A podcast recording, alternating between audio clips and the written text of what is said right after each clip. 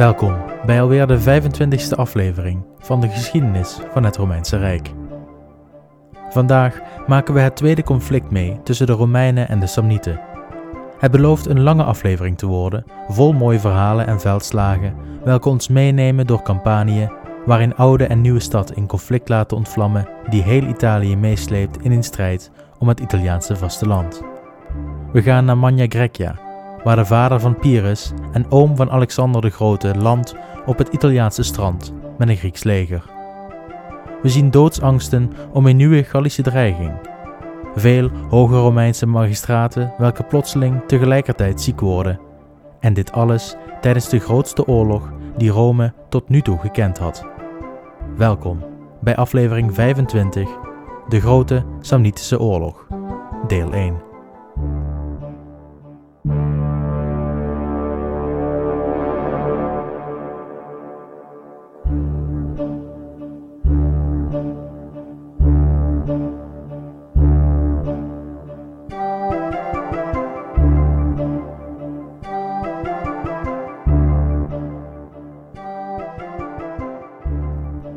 Beginnen, even een huishoudelijke mededeling. Ik heb gemerkt bij het opnemen en schrijven van de afgelopen en te komen afleveringen dat deze langer zijn dan ik in eerste instantie tijdens het begin van de podcast in gedachten had. De maximaal 20 tot 30 minuten welke ik in gedachten had, blijkt vaker 40 tot 50 minuten te zijn. Ik heb dan ook via Facebook de vraag aan uw luisteraars voorgelegd wat u liever heeft. Eén lange aflevering of twee of meer kortere. Een redelijke meerderheid was voor één lange aflevering, en dus zal ik dit advies overnemen. Echter vond ook een vierde van u dat kortere afleveringen preferabel zijn. Daarom zal ik proberen om in de echt lange afleveringen door middel van dit belletje een goed moment aan te geven waar u de aflevering kan stoppen om een volgende keer verder te luisteren. Ik hoop hiermee iedereen een beetje tegemoet te komen. In de toekomst zal ik op Facebook meer vragen gaan stellen met betrekking tot de podcast. Dus, als u mee wilt beslissen, nodig ik u uit de Facebookpagina te liken en in de gaten te houden. Alvast bedankt en dan nu terug naar Italië in 328 voor Christus. De oorlog met de Latijnen was tot een succesvol einde gebracht. De Latijnse steden waren stuk voor stuk veroverd middels overtuigingskracht of door bloedige strijd en alles daartussenin. Maar wat te doen met de Latijnen? Ze waren nu meermaals in opstand gekomen en steeds harder waren de maatregelen van Rome geweest, wat de Latijnen nog meer aanleiding gaf te vechten voor de vrijheid. Het doel van de verovering van Latium was geweest om het gevaar dat kon ontstaan door de samenwerking van de Latijnen in een liga tegen te gaan. De enige veiligheid leek te liggen in het vernietigen van de Liga en om met elke stad afzonderlijk rechten en plichten vast te leggen. Dit was het Romeinse beleid van isolatie en zorgde ervoor dat de Latijnse steden op bestuurlijk gebied niets meer met elkaar te maken hadden. Al het bestuurlijke verliep via Rome. Het was dan ook duidelijk dat niet alle steden even geschikt waren om met het recht van Romeins staatsburgerschap beloond te worden. Dit recht moest alleen voorbehouden zijn aan goede bondgenoten. En daarom werd er onderscheid gemaakt in het burgerschap tussen perfect en imperfect burgerschap. In de eerste plaats werden veel van de steden van Latium volledig geadopteerd in de Romeinse staat. Hun inwoners werden volledige Romeinse burgers, met alle private en publieke rechten, bestaande uit het recht om te ruilen en te huwen met Romeinen, het recht om te stemmen in de vergaderingen in Rome en het recht om een openbaar ambt te bekleden. Hun land werd een deel van het Romeinse domein. De burgers van deze steden ontvingen dus het perfecte Romeinse burgerschap. Ten tweede werden de meeste steden van Latium beloond met een deel van de rechten van het staatsburgerschap. De inwoners kregen het recht op handel en het recht om te trouwen met Romeinse burgers, maar niet het recht om te stemmen of om een functie te vervullen.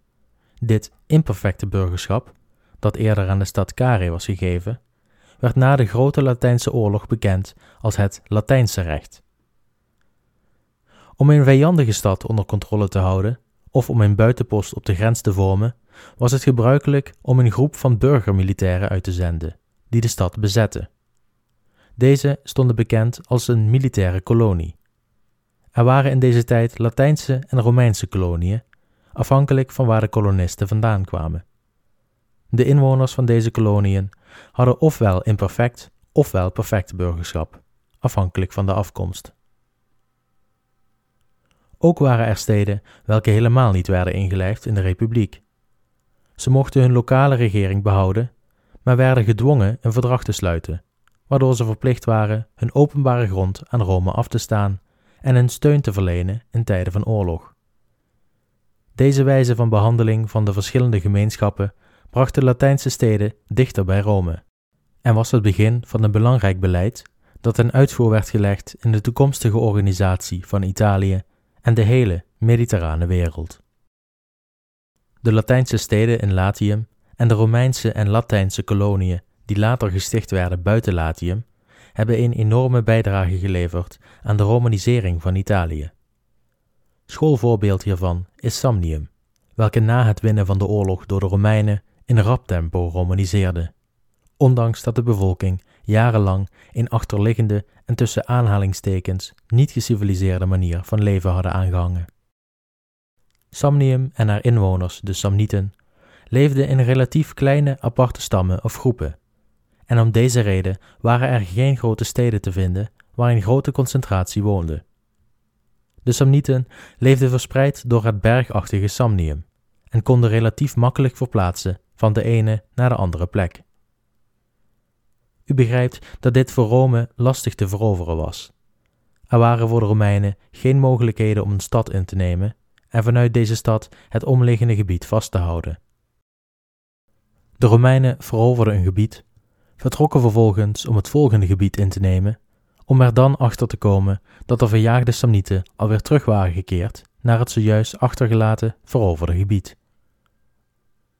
Dit zorgde ervoor dat de Romeinen steeds maar een bepaald gebied veroverden, hier een kolonie opzetten met ex-soldaten of reservisten van de Latijnen uit Latium of Romeinen uit Rome, die het gebied vast konden houden, om vervolgens met het leger door te trekken naar het volgende gebied.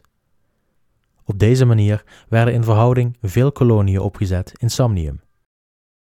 Deze koloniën werden gebouwd in of nabij gebied dat reeds bewoond werd door de oorspronkelijke bevolking in dit geval de Samnieten. Er ontstond handel tussen de kolonisten en de oorspronkelijke bevolking en van daaruit omgang met elkaar. Het hoge gehalte van civilisatie van deze Latijnse en Romeinse bevolkingen riep de aandacht en soms bewondering op van de meer achterliggende culturen die de Romeinen vaak veroverden. Gevolg was dat deze culturen de Romeinse gebruiken gedeeltelijk overnamen en deze combineerden met hun eigen cultuur. De vrijheid die de veroverde volkeren hierin kregen van Rome, droeg bij aan het overnemen van deze gebruiken. De Romeinen lieten veroverde bevolkingen hun eigen oude rituelen behouden, hun manier van kleden, de cultuur en alles wat er verder bij kon kijken, mocht allemaal van de Romeinen. Men mocht dus in dit geval Samnitisch blijven, zolang men ook maar een goede Romein was.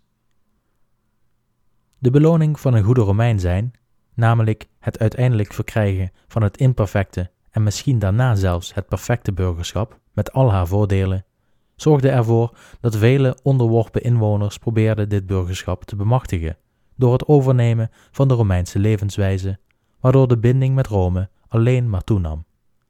Samnium en daarna heel Italië onderging vrijwillig een snelle romanisering. Het vrijwillige karakter in deze speelt mijns inziens een grote rol, daar waar het verplicht afstoten van de eigen identiteit en cultuur geleid zou hebben tot onvrede en tegenwerking. De open houding van Rome en het vooruitzicht op Romeins burgerschap, met alle voordelen die daarmee samenhingen, was de sleutel tot het succes van de Romeinen en droeg in grote mate bij aan de succesvolle expansie en de lange levensduur van de Romeinse Republiek en later het Rijk. Nu we de wijze van pacificering van Latium en de werking van de romanisering hebben uitgelegd, gaan we met deze kennis in het achterhoofd kijken naar de jaren tussen de Grote Latijnse Oorlog en de Tweede of Grote Samnitische Oorlog. Een relatief rustige periode voor de Republiek, de stilte voor de storm, zou je kunnen zeggen. We beginnen twee jaren na de overwinning op de Latijnen, in 336 voor Christus. Latium was relatief rustig en de Latijnen zorgden niet langer voor problemen. De Romeinen konden echter niet achteroverleunen en genieten van hun welverdiende vakantie. In plaats daarvan gebruikten de Romeinen de periode na de Grote Latijnse Oorlog om de zojuist gerealiseerde droom werkelijkheid te maken. Althans, de voorbereidingen van de verwezenlijking in te zetten. Rome was in korte tijd uitgegroeid van simpel dorp naar simpele stad, zoals er zoveel waren in Italië. In enkele stad met een leger bestaande uit haar inwoners. Door de successen van de vorige eeuwen groeide Rome's grondgebied langzaam maar zeker uit tot een stadstaat van naam. Een van de grotere steden, welke door het uitnodigen van de Sabijnen en Latijnen om te komen wonen in Rome, beschikte over meer inwoners dan de omringende steden. Het leger en de beschikbare mannen voor dit leger groeiden door de toenemende bevolking, en dit bracht weer nieuwe kansen om Rome's macht uit te breiden. De overwinning op de Latijnen bij het meer van Regulus en de verovering van Veii vergrootte de mankracht van Rome nog eens meer. En langzaam maar zeker kwam het besef binnen bij de hoge Romeinse heren dat Rome nog wel eens in haar eentje het gezag zou kunnen uitoefenen over Centraal-Italië. Er waren echter meer volkeren met dit idee, zoals de Samnieten. En de groeiende macht van Rome had de Eerste Samnitische Oorlog voortgebracht en vervolgens de Grote Latijnse Oorlog. Na deze twee conflicten kwam Rome wederom als overwinnaar uit de bus en zag zij haar macht nog verder verspreid. Nu kwam ook langzaam de realisatie binnen dat Rome nog wel eens heel Italië onder één centraal gezag kon stellen. De grootste concurrent, de Samnieten, waren immers met succes bevochten, en met Latium onder volledig Romeins gezag namen de militaire middelen van de Romeinen verder toe.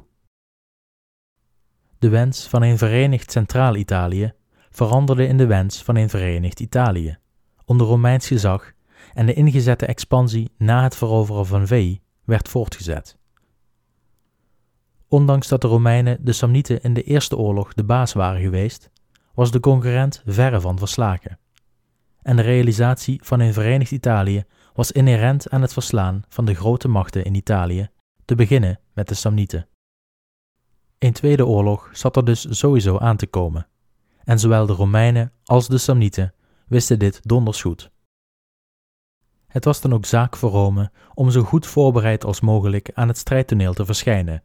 En dit deden de Romeinen door in de tijd na de Grote Latijnse Oorlog haar gebied uit te breiden om over zoveel mogelijk middelen en manschappen te kunnen beschikken wanneer de oorlog met de Samnieten wederom zou uitbreken. De strategie die de Romeinen hiervoor gebruikten waren de koloniën, langs de grenzen van Romeins gebied in Latium en Campanië en soms zelfs aan de andere kant van de grens, ver in gebied van andere mogendheden, werden koloniën opgericht met als doel het romaniseren van de buurvolkeren en het gebied rondom de koloniën te annexeren en te behouden. Dit beleid leidde in de jaren na de Grote Latijnse Oorlog begrijpelijkerwijs tot vijandige reacties van de omliggende mogendheden. Deze jaren staan bol van kleine vijandigheden van aparte steden aan het grensgebied met de Republiek. Hierover zometeen meer. Het begon echter allemaal met wederom de Sidicini. De Samnieten waren er niet in geslaagd de Sidicini te vernietigen en de bevolking had haar kracht weten te vernieuwen om een buurvolk, de voor ons reeds bekende Aurunci, aan te vallen. De Sidicini veroverden de hoofdstad van de Aurunci, welke in grote getalen vluchtten naar Latium, waar zij een nieuwe tijdelijke hoofdstad vestigden. Dit alles vond plaats in 337 voor Christus, drie jaar na de Grote Latijnse Oorlog, en het zorgde ervoor dat de Aurunci zich naar Rome wendden om hulp te vragen tegen hun vijand. Het grondgebied van de Sidicini was interessant voor de Romeinen, aangezien het in Campanië lag, aan de grens met Samnium. Rome had Noord-Campanië reeds bij de Republiek gevoegd, en dit kleine stukje land kon er dan maar net zo goed bijgenomen worden. Anders worden de landkaarten ook zo onoverzichtelijk. De Romeinen waren daarom best bereid de Aurunci een handje te helpen, en Rome zegde hulp toe. De officiële reden was dat de Aurunci zich goede buren hadden getoond door zich niet te mengen in de Eerste Samnitische Oorlog. Deze loyaliteit moest worden beloond. Rome verklaarde officieel de oorlog aan de Sidicini. In andere bevolking in de omgeving, verwanten van de Aurunci, voegde zich aan de kant van de Sidicini. Dit volk wordt de Ausoni genoemd. Het is echter niet bekend welke bevolking dit precies was, aangezien de naam Ausoni een Griekse verzamelnaam was voor alle volkeren in het gebied ten zuidwesten van Latium.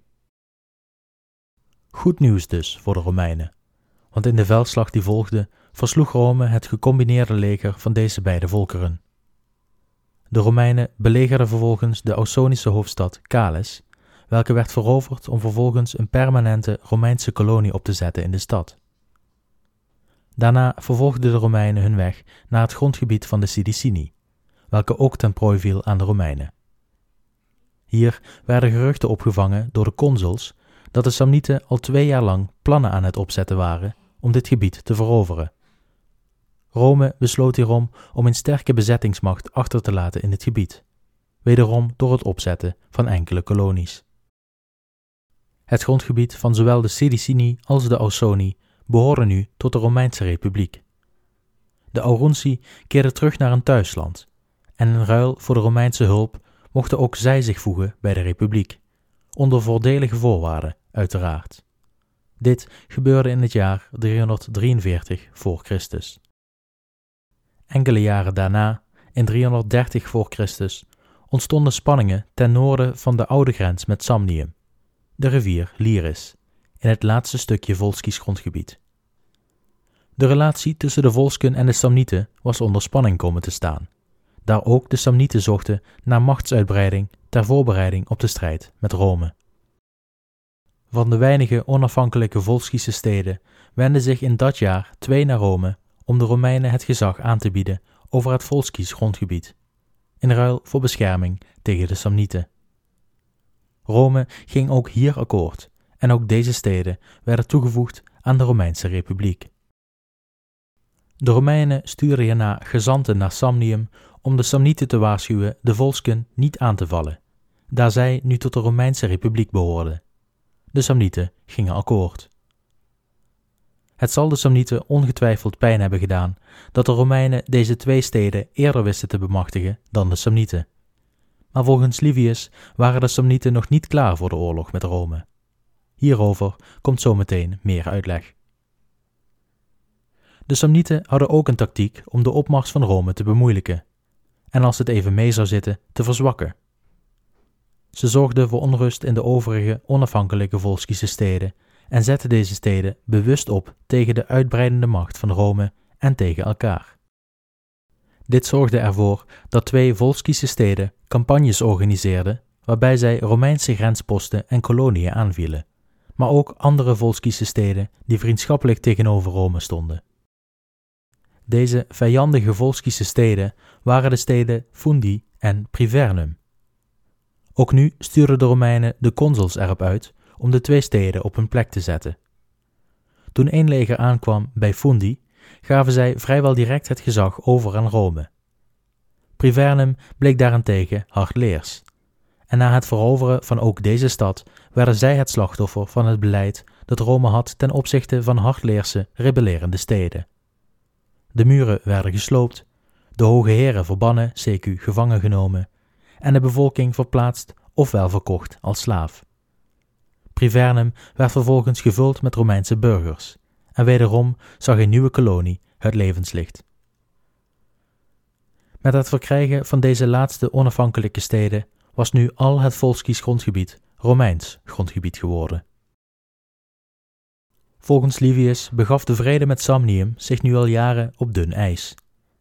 Er waren genoeg redenen voor Samnium om de passieve agressie van Rome te beantwoorden met eigen agressie.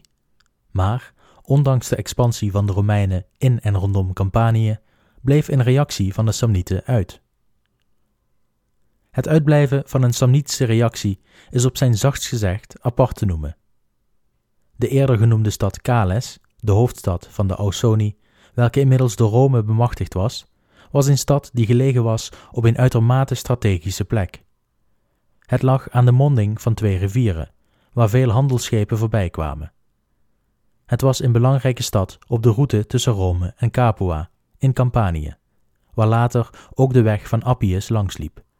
En het lag ook nog eens aan een toegangspoort van de belangrijke bergpassen richting Samnium. Een gebied dus waarvan je niet wil dat je grootste concurrent deze in handen heeft. Waarom bleef dan een Samnitische reactie op deze strategische positie uit? Hiervoor moeten we kijken naar de andere kant van Samnium, het zuidelijke gedeelte, welke aan de grens lag met Magna Grecia. Hier leefde een bevolkingsgroep genaamd de Lucani, welke al eeuwenlang goede vrienden waren van de Samnieten, totdat beide groepen behoorden tot de Osken.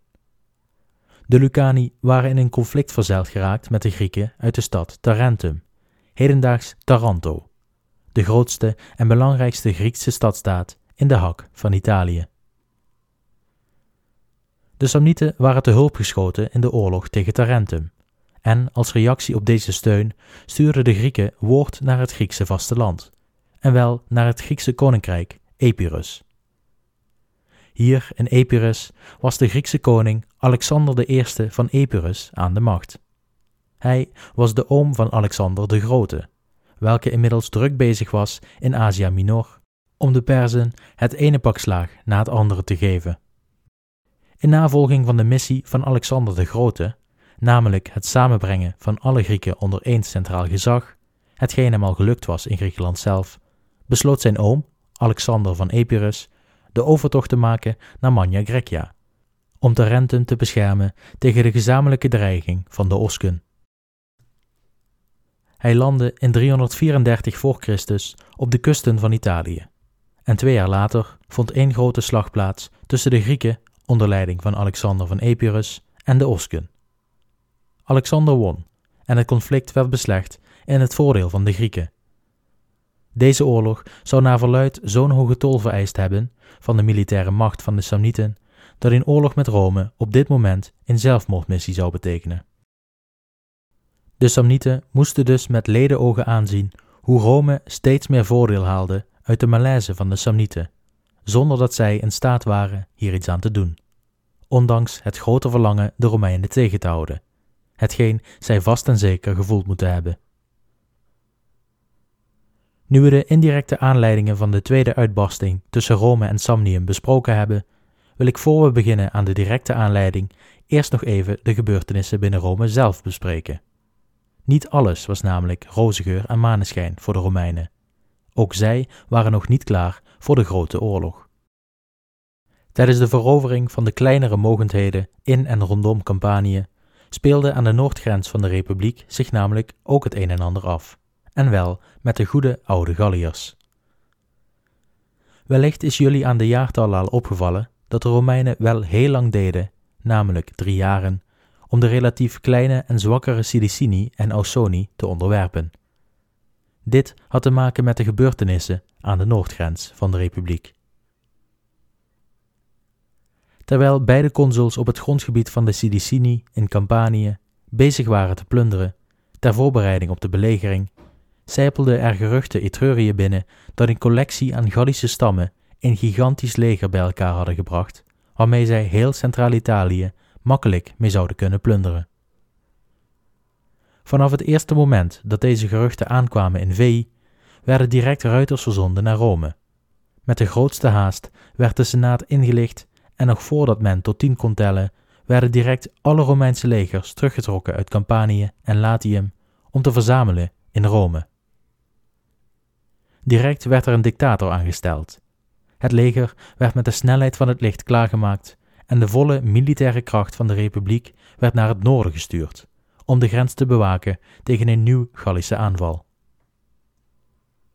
Maanden gingen voorbij, terwijl talloze verkenners te paard alle uithoeken van Etrurië bezochten, op zoek naar een teken van de horde barbaren.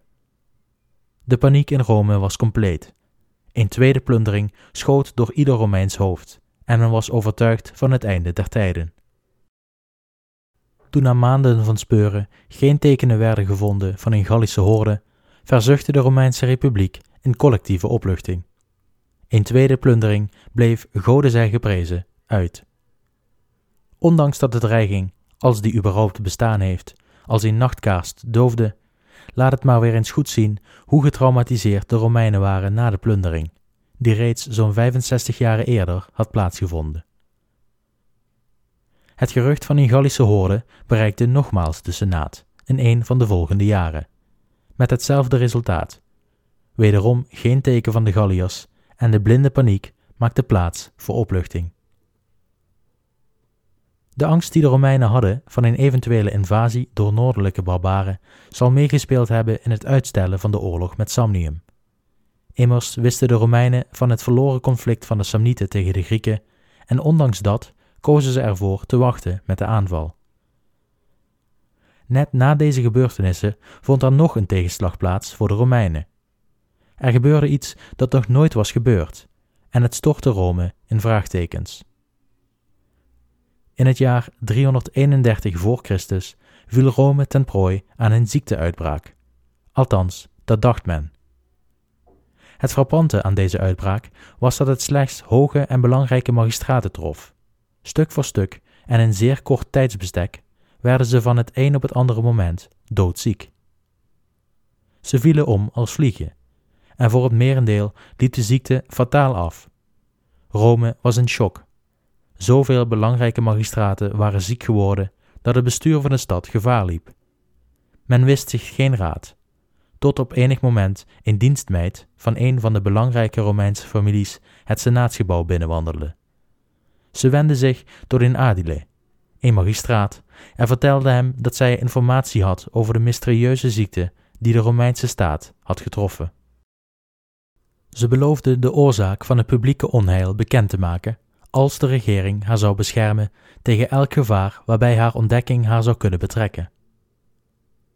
De adile bracht de zaak terstond ter kennis van de consuls en verwees hen direct door naar de Senaat, die de toezegging van immuniteit goedkeurde. Ze onthulde vervolgens dat het onheil dat was uitgestort over de staat het werk was van bepaalde vrouwen, welke tijdens hun werk als dienstmeid medicijnen vervaardigden welke eigenlijk giftig waren. Wanneer de consuls haar direct zouden volgen, zou zij hen leiden naar de plek waar ze de vrouwen op heterdaad zouden kunnen betrappen. De consuls volgden de informant en toen zij aankwamen bij de gewezen plek, stuitten zij inderdaad op enkele Romeinse dienstmeiden, welke bezig waren het gif te vermengen, met naast hen tientallen reeds vervaardigde giftige vloeistoffen. Deze vloeistoffen werden vervolgens meegenomen en neergelegd op het forum. Vanuit daar werden tientallen dienstmeiden uit huizen van de belangrijkste patricische families gehaald, waar zij op dat moment werkzaam waren. Vele van deze dienstmeiden waren in dienst in de huizen van de ziek geworden magistraten en waren dus werkzaam voor de patricische vrouwen van deze belangrijke huizen. Ook de patricische vrouwen kwamen hun huis uit om verhaal te halen. Wat was hier aan de hand? Toen de situatie aan hen duidelijk werd, beweerden twee van de vrouwen dat het om een misverstand ging. De dienstmeid, welke de consuls had geïnformeerd, had valse verklaringen afgelegd. Er was helemaal geen gif. De informant vroeg de consuls om de vrouwen een voorbeeld te laten stellen. Als haar beweringen echt gelogen zouden zijn, dan zouden ze rustig iets kunnen drinken van de zogenaamde medicijnen. De consuls gingen mee in de gedachtegang en vroegen de dames hun onschuld te bewijzen door de medicijnen te drinken en te laten zien dat deze inderdaad onschuldig waren. De dames twijfelden en wilden overleggen. In eerste instantie in het openbaar op het forum, maar al snel vroegen ze iedereen weg te gaan opdat ze in privacy konden spreken. Dit gebeurde en uiteindelijk gingen de vrouwen dan toch akkoord. Ze dronken de medicijnen en binnen enkele minuten na inname werden zij doodziek en vonden zij even later allemaal de dood. De vrouwen waren ten prooi gevallen aan hun eigen misdaad.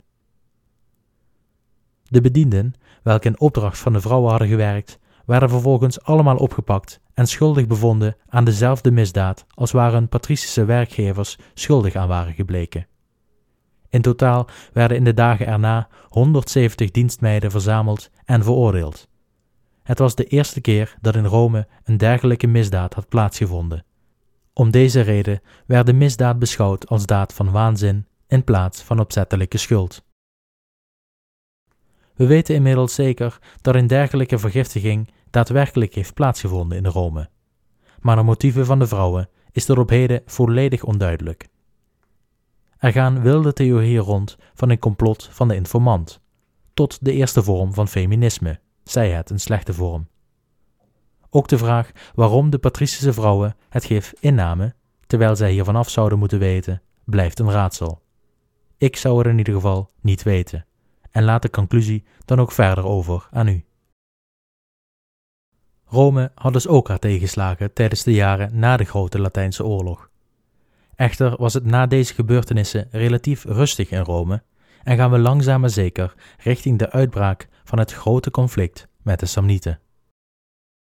Deze uitbraak valt uiteen te zetten in twee aanleidingen. De eerste aanleiding had te maken met de volsken, welke nog voordat zij bij Rome aanklopten door de Samnieten waren verdreven uit hun stad Fregelai, welke aan de oostkant van de rivier Liris lag, in Campanië. De stad was veroverd geworden door de Samnieten om vervolgens volledig vernietigd te worden. Toen Rome deze volsken had bijgestaan in het verslaan van de andere volsken, welke door aanzetten van Samnium agressie had vertoond tegen Rome en hun medevolsken, liet Rome wederom een nieuwe kolonie opzetten op de plek waar Fregelai had gestaan. De volsken werden uitgenodigd hier te komen wonen, met als beloning een imperfect burgerschap. Dit was de eerste keer dat ook volsken zich kolonisten mochten noemen, en daar maakten ze dan ook hartelijk gebruik van. Samnium was hier woedend over. Ze hadden de volsken, nog voordat Rome haar achter hen had geschaard, verjaagd van deze kant van de rivier, en het grondgebied was daardoor dus ook Samnitisch grondgebied geworden. Hoe haalden de Romeinen het in hun hoofd om op Samnitisch grondgebied een kolonie te bouwen, en deze nota bene mede te bevolken door de Volskische vijand? Deze achterbakse actie zette veel kwaad bloed.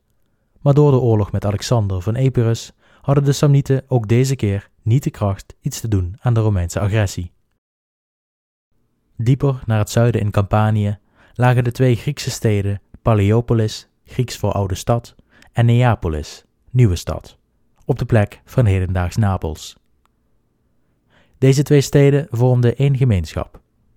De inwoners waren namelijk nazaten van de Griekse stadstaat Cumae, iets noordelijker in Campanië, en waren hierdoor verwant aan elkaar.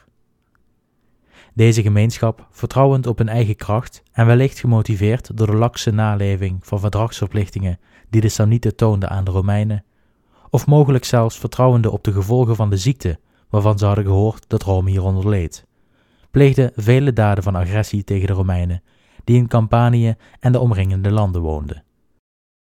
In navolging van deze agressie stuurden de consuls gezanten naar de Grieken om hen te vragen een eind te maken aan de vijandigheden.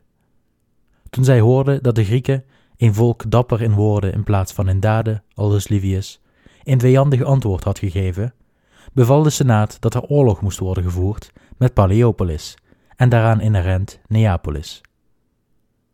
Dit kwam uitstekend uit voor de Romeinen. Zij waren met een passief-agressieve beleid van kolonies al lange tijd op zoek naar de grens van het Samnitische geduld. Rome was inmiddels klaar voor de oorlog, maar de Romeinse eer belette hen als agressor de oorlog te initiëren.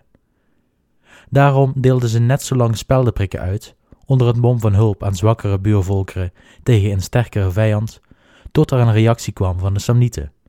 Probleem was alleen, die kwam er maar niet. Daarom kwam het als een geschenk uit de hemel dat twee Griekse steden in Zuid-Campanië, Samnitisch grondgebied dus, een aanleiding hadden gegeven om een hele vieze en pijnlijke speldenprik uit te delen aan de Samnieten. Dit konden ze niet langer negeren. De consuls kregen ieder één leger toegewezen. De consul Quintus Publilius vertrok naar Paleo en Neapolis, en de consul Lucius Cornelius Lentulus vertrok naar de grens tussen Campanië en Samnium, in afwachting van een Samnitische reactie.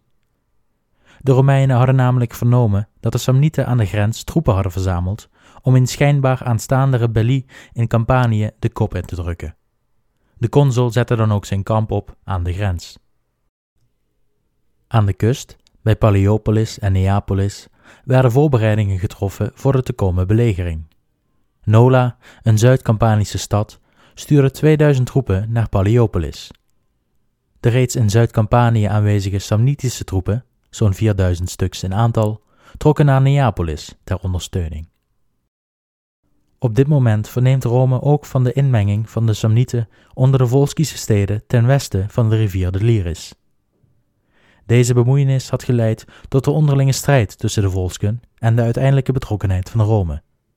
Nu bleek dat de Samnieten schijnbaar ook hebben geprobeerd de volsken aan te zetten tot een oorlog met Rome, een poging die jammerlijk was mislukt. Na het vernemen van deze Samnitische vijandigheden waren de Romeinen zeker uit op oorlog. Maar zoals de Romeinse eer hen verplichtte, stuurden zij eerst gezanten naar de Samnieten voor hoor en wederhoor. De beschuldigingen werden aan de Samnieten voorgelegd. Dat zij de Grieken hadden ondersteund in een oorlog met de Romeinen door 4000 manschappen te sturen, en dat zij de volksken hadden verjaagd en hen daarna hadden aangezet oorlog tegen hun eigen volk en de Romeinen te starten. De Samnieten wilden niets van deze beschuldigingen weten. Ze hadden de Grieken niet ondersteund met manschappen. De mannen die zich bij hen hadden gevoegd, deden dat uit eigen motivatie en niet aangestuurd vanuit Samnium. En ook hadden ze zich niet bemoeid met de volksken en dan helemaal niet aangezet om oorlog te voeren tegen Rome. Daaraan voegden ze ook nog eens toe dat wanneer zij besloten oorlog met Rome te voeren, ze helemaal geen hulp nodig hadden van andere volkeren. Ze hadden zelf genoeg militaire kracht om de Romeinen uit Campanië te schoppen. Tijdens de reactie kon de Samnitische frustratie over het stichten van een kolonie op Samnitisch grondgebied niet meer verhuld worden. Zij beschuldigden de Romeinen van openlijke agressie door rechtmatig veroverd land van de Samnieten te bezetten met Romeinse koloniën.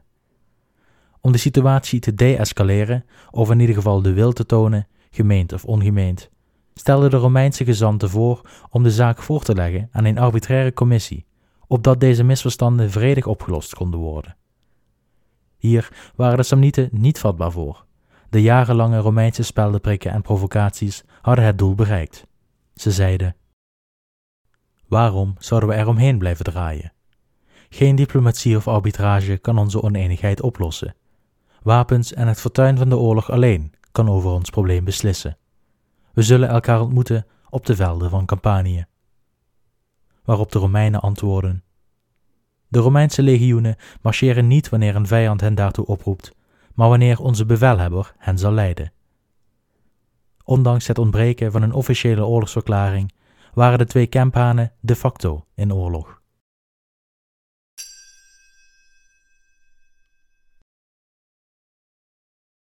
Er vonden echter niet direct hierna gevechten plaats.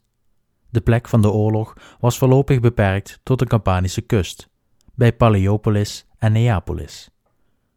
De consul Publilius had inmiddels een strategische positie ingenomen tussen de twee steden opdat zij elkaar niet meer konden versterken met voedsel, wapens of andere benodigdheden. Er ging vervolgens een tijd voorbij zonder dat er noemenswaardige dingen gebeurden. De termijn van beide consuls was inmiddels verlopen, maar in samenspraak met de volkstribune werd gekozen de consuls voorlopig in een rol te laten, totdat de zaken met Paleopolis geregeld waren. De andere consul was inmiddels druk bezig in Samnium, waar hij geen tegenstand trof en vrij was de landen te plunderen. De schade bleef voor nu dus beperkt. De inname van de twee Griekse steden werd op onverwachte manier tot een eind gebracht. Uit Paleopolis verschenen namelijk enkele Griekse bestuurders voor de consul. Zij wensten zich over te geven aan de Romeinen. De Samnieten die in hun stad verbleven, welke het doel hadden hen te beschermen, gedroegen zich niet als goede gasten. Het bestuur van de stad had zich afgevraagd of zij wel langer bij deze Samnitische asocialen wilden horen, of dat het misschien beter was zich te voegen bij de Romeinen. Het antwoord op deze vraag was de realisering dat ze beter af zouden zijn aan de zijde van Rome. En dus bedachten de Romeinen samen met de Grieken een plan de Samnieten in de stad te verzamelen op een plek waar ze makkelijk gedood zouden kunnen worden. Zo gezegd, zo gedaan en de steden Paleopolis en Neapolis worden bevrijd van hun Samnitische heersers en waren nu onder Romeins gezag. De consuls keerden terug naar Rome, waar ze werden vervangen door twee nieuwe consuls. Zij stuurden een officiële oorlogsverklaring naar Samnium. De oorlog kon er nu echt beginnen. De grote Samnitische oorlog duurde 22 jaren, van 326 tot 304 voor Christus. Ik zou u graag een uitgebreide beschrijving geven van de gehele oorlog, maar dit zou helaas te lang duren. Daarom zal ik alleen ingaan op de mooiste verhalen en de belangrijkste veldslagen. In de eerste vijf jaren van de oorlog is er aan Romeinse kant eigenlijk alleen maar succes. Ze trekken Samnium binnen, waar een paar relatief kleine veldslagen plaatsvinden. Er worden enkele steden ingenomen die onder Samnitisch gezag stonden. De oorlog lijkt zo gemakkelijk gewonnen te gaan worden. In de tussentijd voegen steeds meer derden zich bij de Romeinen, ofwel de Samnieten.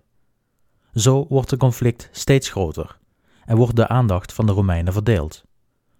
Zo voegen onder andere de Grieken van Tarentum zich bij Samnium, terwijl zij eerst oorlog met elkaar hadden. En voegen de Lucaniërs, welke eerst werden gesteund door de Samnieten tegen Tarentum, zich bij Rome, om vervolgens toch weer te kiezen voor Samnium. Meer in de buurt van Rome voegen zich ook enkele steden zich bij het Samnitische doel, en Rome zoekt ze allemaal op om ze te verslaan en hen toe te voegen aan de Romeinse Republiek. De oorlog duurt voort, en op plunderingen en kleine veldslagen na is het nog vrij rustig. In het jaar 325 voor Christus wordt het conflict echter nog grootschaliger dan het al was. Een volk ten oosten van Latium, zeg maar woonachtig nog achter de Sabijnen, genaamd de Vestini, kwamen hun mede-Osken te hulp en verklaarden de oorlog aan Rome. De oorlog bevond zich nu aan de zuid- en oostkant van Rome, en de consuls werden beide één kant op gestuurd. De consul die op weg gestuurd werd naar Samnium werd onderweg echter ziek en moest vervangen worden. Hiervoor stelde het volk van Rome een dictator aan. Zijn naam was Lucius Papirius Cursor, een geliefd, doch berucht figuur uit de Romeinse geschiedenis. Zijn ognomen, Cursor, betekent de renner, omdat hij bekend stond om zijn imposante lichaamsbouw en de snelheid waarmee hij kon rennen. De legende stelt dat Papirius Cursor zo'n 75 kilometer kon marcheren in één dag, met volle bepakking. Hij verlangde dan ook niets minder van zijn soldaten. De discipline en inspanning die hij van zijn mannen eiste, maakte hem al berucht. Maar zijn kunde als generaal stond buiten kijf, en dus bleven zijn soldaten hem volgen. Dit veranderde echter door zijn optreden tegen zijn meester van de paarden, de rechterhand van de dictator. Zijn naam was Quintus Fabius Maximus Rullianus, maar voor het gemak noemen we hem Fabius. Toen de twee aan het hoofd van het leger aankwamen in Samnium, bleek dat de religieuze ceremonie in Rome niet goed was verlopen. Het was raadzaam voor de dictator om voordat hij de eerste veldslag in zou gaan, terug te keren naar Rome, om het gebruik nogmaals te voltooien. Papirius vertrok naar Rome, terwijl hij zijn meester van de paarden achterliet met het uitdrukkelijke bevel: Wacht op mijn terugkomst en blijf tot die tijd op je positie. Ga geen gevecht aan zonder mij. Toen de dictator was vertrokken, kwamen er al snel verkenners naar Fabius. Ze vertelden hem dat ze het Samnitische kamp gevonden hadden en dat de Samnieten zich totaal niet druk leken te maken om de Romeinen, welke maar enkele kilometers verderop gestationeerd waren. Ze leken zo op hun gemak dat het leek alsof er geen enkele Romein in Samnium verbleef. Fabius, geleid door zijn jeugdigheid of gegrepen door de kans op een grote militaire overwinning, besloot zijn mannen klaar te maken en direct te marcheren naar de vijand. Het gevecht vond plaats en Fabius trof zijn tegenstander op het slagveld.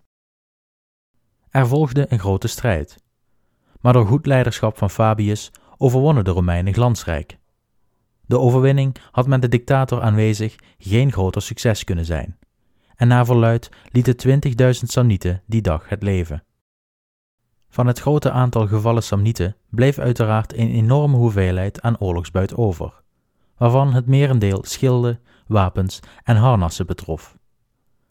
Fabius liet alles verzamelen op één grote hoop en liet het verbranden, waarschijnlijk om te voorkomen dat de dictator met de eer van de oorlogsbuit kon strijken.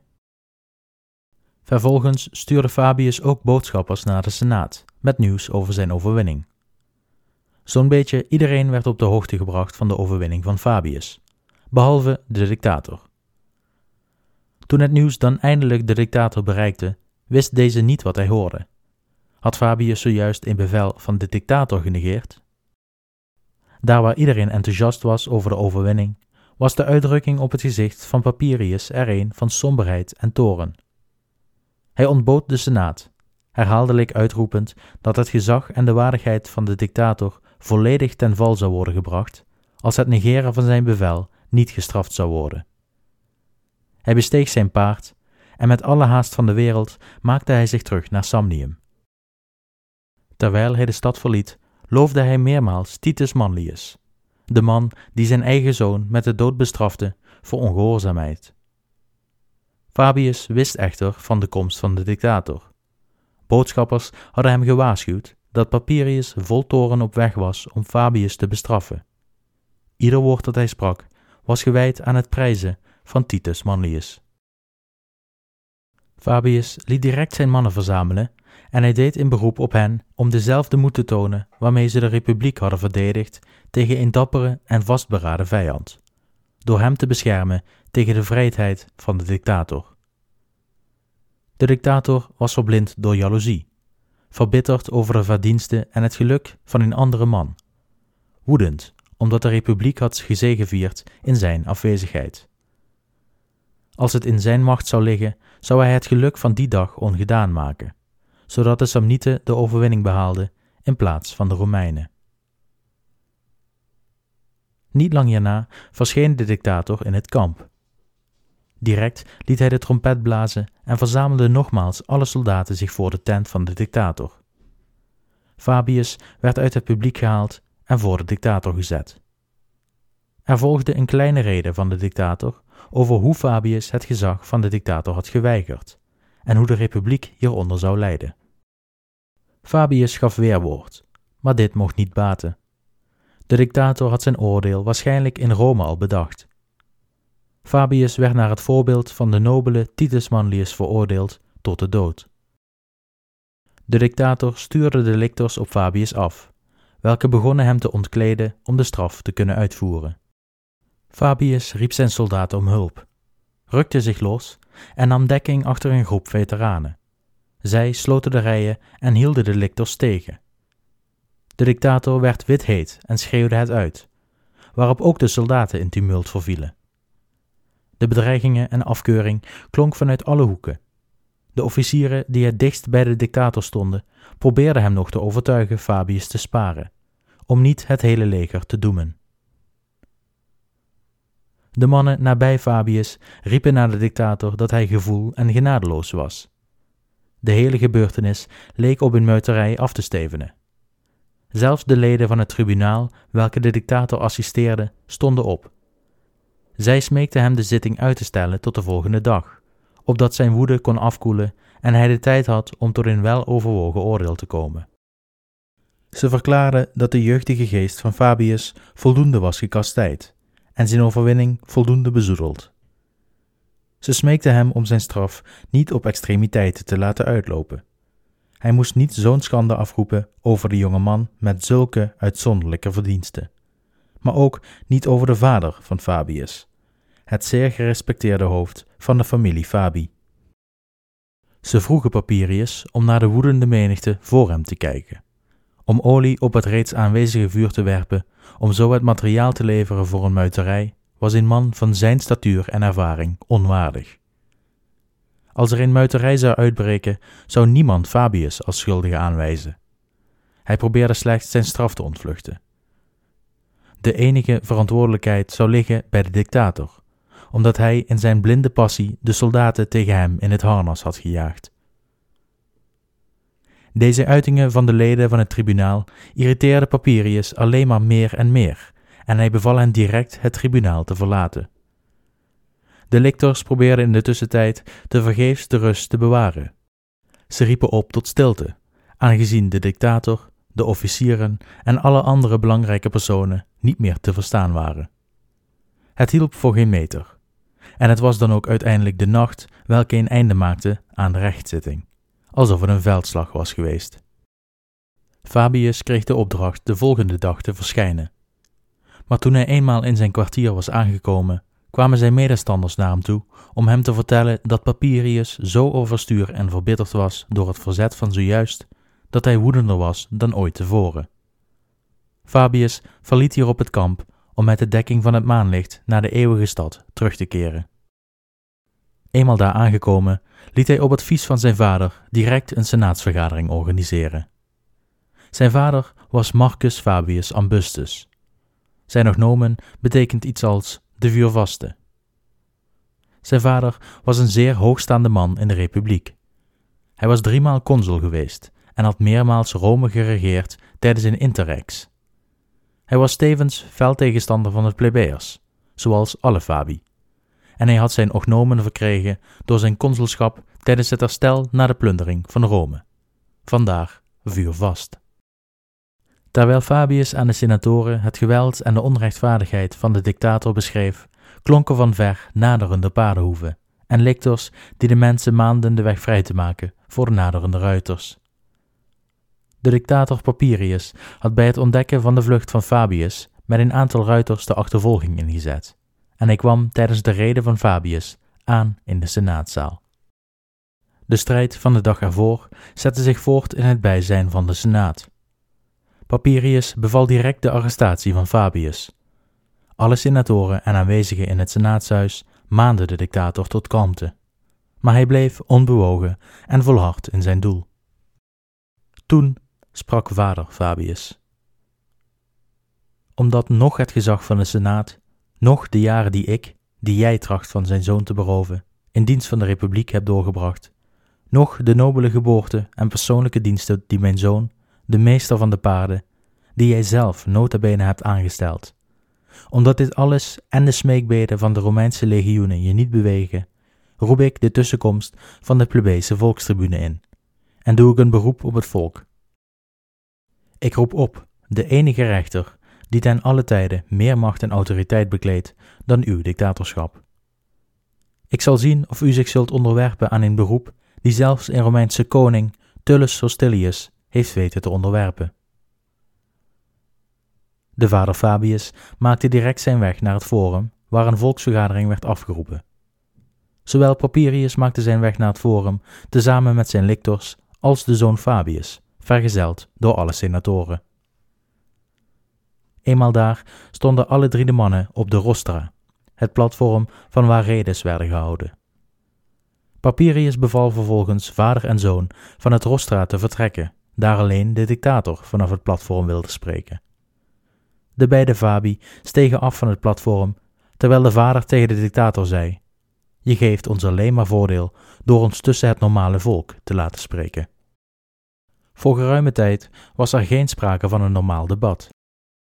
Er was niets anders te horen dan onderlinge ruzies. Eindelijk kwamen de luide en verontwaardigde tonen van de vader Fabius boven het tumult uit, toen hij de tirannie en de vreedheid van Papirius uitwees. Hij zelf, zo sprak hij verder, was dictator geweest, en geen enkele persoon, geen enkele plebeër, centurion of soldaat had ooit iets verkeerds van hem te verduren gehad. Maar Papirius moest en zou de overwinning behalen en triomferen over een Romeinse bevelhebber, alsof het een vijandelijke generaal betrof. Wat een verschil was er tussen de gematigdheid getoond door de mannen van vroeger en deze nieuwe manier van meedogenloze strengheid. Hij haalde het voorbeeld aan van de vroege dictators Cincinnatus en Lucius Furius Medellinus, welke zich beide vergevingsgezind hadden getoond jegens andere consuls welke Rome's eer hadden aangetast. Welnu, zelfs het volk zelf, die in hun handen de soevereine macht houden, hebben hun gevoelens nooit toegestaan om ze te dragen buiten het opleggen van een boete. Zelfs waar legers verloren zijn gegaan door de dwaasheid of onwetendheid van hun generaals. Tot op de dag van vandaag is er nooit een opperbevelhebber voor zijn leven berecht omdat hij verslagen was. Maar nu worden generaals die overwinningen hebben behaald en de meest prachtige triomfen hebben gekregen, bedreigd met de roeden en de bijlen. Een behandeling die de wetten van de oorlog zelfs jegens de overwonnenen verbieden. Wat, vroeg hij, zou zijn zoon hebben geleden als hij een nederlaag had geleden, van zijn kamp was weggerukt en beroofd? Zou de woede en het geweld van de dictator verder gaan dan gezelen en moorden? Het was dankzij zijn zoon dat de staat blije en dankbare dankbetuigingen voor de overwinning aanbood. Het was voor zijn rekening dat de heilige tempels openstonden en er gebeden werd en er offers werden aangeboden aan de altaren, en dat de rook opsteeg vanaf de altaars. Hoe passend was het dat deze man met de roeden voor de ogen van het Romeinse volk werd gestript en verscheurd, in het zicht van het kapitool en de citadel, in het zicht van de goden die hij in de veldslag aanriep. Wat zouden de gevoelens zijn van het leger, die hun overwinningen onder zijn generaalschap hadden gewonnen? Wat zou er verdriet zijn in het Romeinse kamp, wat een vreugde onder de vijand? De oude vader weende bitter toen hij deze protesten en uiteenzettingen uitsprak, terwijl hij zijn armen om zijn zoon sloeg en hem hulp vroeg bij goden en mannen. Vader Fabius had de steun aan zijn zijde van de Senaat, de sympathie van het volk, de bescherming van de volkstribune en de steun van de elders gelegerde legioenen. De dictator bracht hiertegen in de onbetwiste soevereine macht van het Romeinse volk en alle tradities van militaire discipline. Het dictum van de dictator die ooit als goddelijke sanctie werd beschouwd. En het voorbeeld van Manlius, die zijn genegenheid voor zijn zoon had opgeofferd aan de belangen van de staat. Ook Brutus, zo drong de dictator aan, de stichter van de Romeinse Republiek en Vrijheid, had dit eerder gedaan met zijn twee zoons. Tegenwoordig waren de vaders toegeeflijk, bejaarde mannen, gemakkelijk oordelend over zaken die hen niets aangingen. Ze verwennen hun kinderen, leerden hen om het gezag te verachten en de militaire discipline te behandelen alsof het van weinig belang zou zijn. Hij verklaarde zijn voornemen om zich aan zijn doel te houden. Hij zou niet één enkele straf opheffen van de man die had gevochten in weerwil van zijn bevelen. Als de hoogste autoriteit van de dictator niet intact zou blijven, zou dat niet aan hemzelf, Papirius, te wijten zijn. Hij zou alles in zijn macht doen om zijn mandaat, het mandaat van de dictator, in ere te houden. Hij hoopte dat de volkstribunen die onschendbaar waren, hun macht niet zouden gebruiken om door hun inmenging de soevereiniteit van de Romeinse regering te schenden. Hij hoopte dat zij niet de soevereiniteit van de dictator en het dictatorschap in het algemeen zouden doven. Wanneer dat wel het geval was, zou het niet Papirius zijn, maar de volkstribune, het corrupte oordeel van het volk, die de banden van de militaire discipline zouden verbreken. En eenmaal verbroken, zal geen enkele soldaat zijn centurion nog gehoorzamen. Geen centurion zou nog bevelen aannemen van zijn militaire tribuun, geen tribuun zijn generaal, en geen meester van de paarden van zijn dictator. Niemand zal enige eerbied of respect hebben voor zowel mannen als goden. Geen naleving zal worden getoond aan de bevelen van bevelhebbers of de religieuze voorspellingen waaronder zij handelden. Zonder verlof te verkrijgen, zullen soldaten naar willekeur zwerven door een bevriend of vijandig land. In totale minachting voor een militaire eed zullen ze hun normen verlaten waar en wanneer ze maar willen. Ze zullen weigeren te verzamelen wanneer ze dat is bevolen. Ze zullen vechten ongeacht dag of nacht, of de grond nu gunstig of ongunstig is, of een commandant al dan niet bevelen heeft gegeven. Geef uzelf bloot, volkstribune. Stel uzelf dan maar verantwoordelijk voor de misdaden van Quintus Fabius en de gevolgen. Na het betoog van de dictator waren de volkstribune ontzet en voelden ze zich nu meer ongerust over hun eigen positie dan over de positie van de man die hun bescherming had gezocht. Ze werden echter gesteund in hun verantwoordelijkheid door het volk, welke als één collectief een beroep deden op de dictator en hem smeekte van de straf van Quintus Fabius af te zien. Toen de volkstribunen zagen dat het ganse volk achter het pardon stond, kozen ze in plaats van hun onschendbaarheid te doen gelden, ervoor zich voor de voeten van de dictator te gooien, om te smeken naar de wil van het volk, de hoogste autoriteit, te luisteren. Nu vielen ook Quintus Fabius zelf en zijn vader voor de voeten van de dictator, om zijn woede af te wenden. Tot dit gezicht verviel het forum dan eindelijk in stilte, en sprak de dictator zichtbaar gekalmeerd. Dit, burgers van Rome, is zoals het zou moeten zijn. Militaire discipline heeft overwonnen. De hoogste autoriteit van de overheid heeft de overhand gehouden. Het was in vraag of ze deze dag van vandaag zou overleven. Ik zal Quintus Fabius niet vrijspreken van zijn schuld, daar hij heeft gevochten tegen het bevel van uw dictator. Maar hoewel hij als schuldig is veroordeeld, zal ik hem gratie verlenen voor het volk van Rome en aan het gezag van de volkstribune, welke niet hun wettelijke onschendbaarheid hebben misbruikt, maar zich aan mijn oordeel hebben overgeleverd. Leef, Quintus Fabius, nu gelukkiger naar de unanieme wens van de medeburgers om je te beschermen en te verdedigen, dan tijdens het uur van je overwinning. Leef, Quintus, ondanks dat je durfde te doen waarvoor zelfs je vader, als hij in mijn schoenen had gestaan, je geen gratie had kunnen verlenen. Wat mij betreft ben je hersteld van je misdaden. Voor het Romeinse volk, aan wie u uw leven te danken heeft, kunt u geen betere terugkeer maken dan door te laten zien dat u deze dag de les hebt geleerd van onderwerping aan de wettige bevelen van uw dictator, in vrede en in oorlog. Nadat hij had aangekondigd dat hij de meester van de paarden niet langer zou vasthouden, verliet hij de rostra. De vreugdevolle senaat en het nog vreugdevollere volk stroomde rond de dictator en Quintus Fabius en feliciteerde hen met het resultaat en begeleidde hen vervolgens naar hun huizen. Men was van mening dat het militaire gezag niet meer was geschaad door de rechtszaak rond Quintus Fabius, dan door de verschrikkelijke bestraffing van de jonge Manlius, de zoon welke tot de brandstapel veroordeeld was geworden. Intussen, in Samnium, was de activiteit van de Samnieten rond het Romeinse kamp, in afwezigheid van de dictator en zijn rechterhand, flink toegenomen. Romeinse verkenningstroepen werden meermaals aangevallen en afgemaakt maar de man die met het bevel werd achtergelaten durfde het kamp niet te verlaten. Het voorbeeld van Quintus Fabius zat stevig in zijn achterhoofd. Hij zou het bevel van de dictator niet negeren. Hij vreesde de strenge dictator meer dan de aanval van de vijand. Dit verbitterde de gevoelens van het leger eens meer. Allereerst vanwege zijn onverbiddelijke houding jegens de meester van de paarden en vervolgens vanwege dat hij Fabius had gespaard op verzoek van het volk, en niet op het eerdere verzoek van zijn eigen leger. Papirius maakte zijn weg terug naar Samnium. Terwijl hij Fabius achterliet in Rome met het bevel zijn bevoegdheden als meester van de paarden niet meer te gebruiken.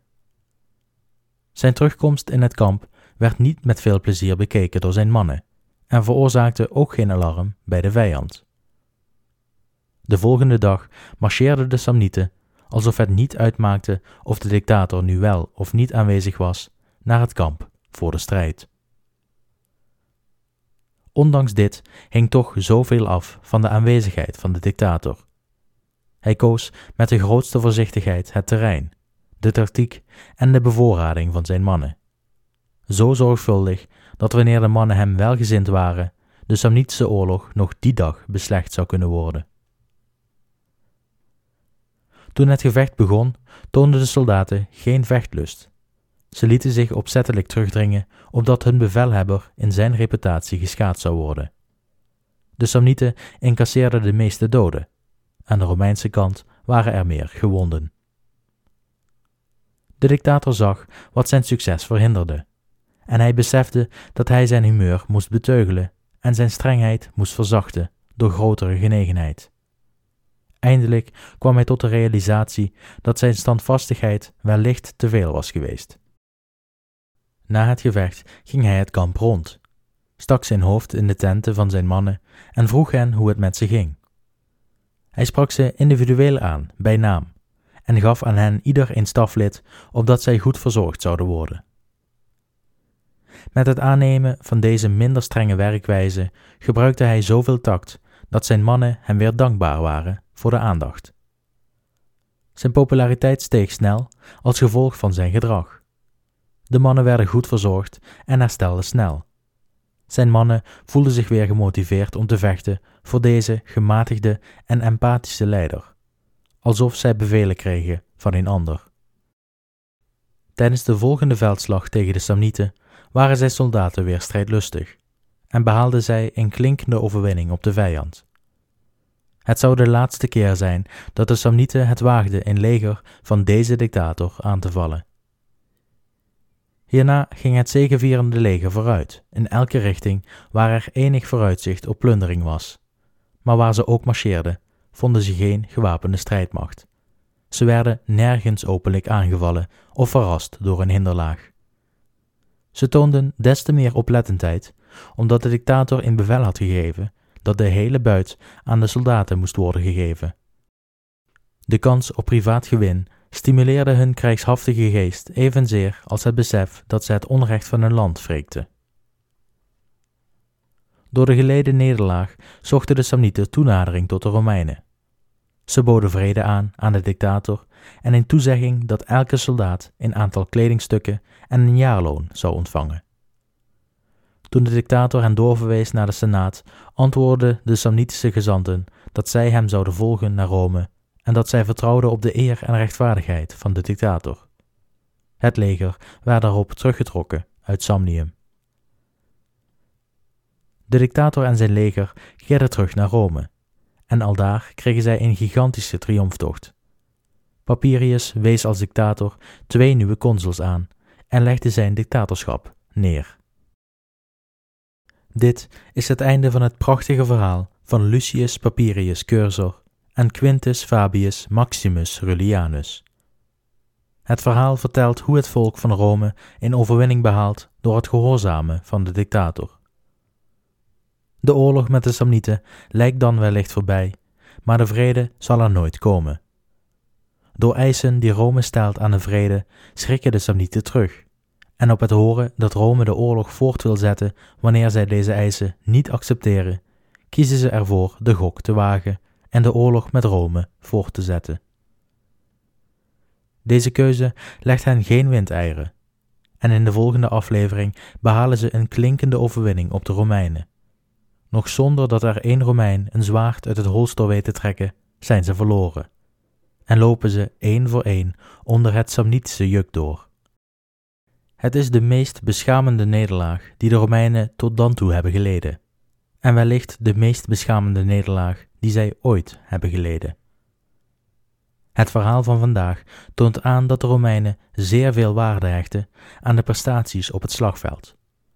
Ondanks dat Quintus Fabius het goddelijke gezag van de dictator had genegeerd, werd hij toch gespaard en was hij een held voor het volk. De drang naar het halen van overwinningen en de daarmee samenhangende eer en beroemdheid zal in de toekomst van de republiek een probleem worden. De staat hecht steeds meer waarde aan het behalen van overwinningen, en prestaties op het slagveld worden een vereiste voor het succesvol beklimmen van de cursus honorum, de politieke ladder. We gaan zien dat de toekomstige ambitieuze leiders van Rome onverantwoorde gokken zullen nemen om kans te maken op een dergelijke overwinning en Rome zal nog enkele rampen meemaken die door dit fenomeen worden veroorzaakt. Dit was het eerste deel van de Grote Samnitische Oorlog. In de volgende aflevering kijken we naar het tweede en laatste deel van deze periode. Ik hoop dat u de aflevering interessant vond. Bedankt voor het luisteren en tot de volgende keer.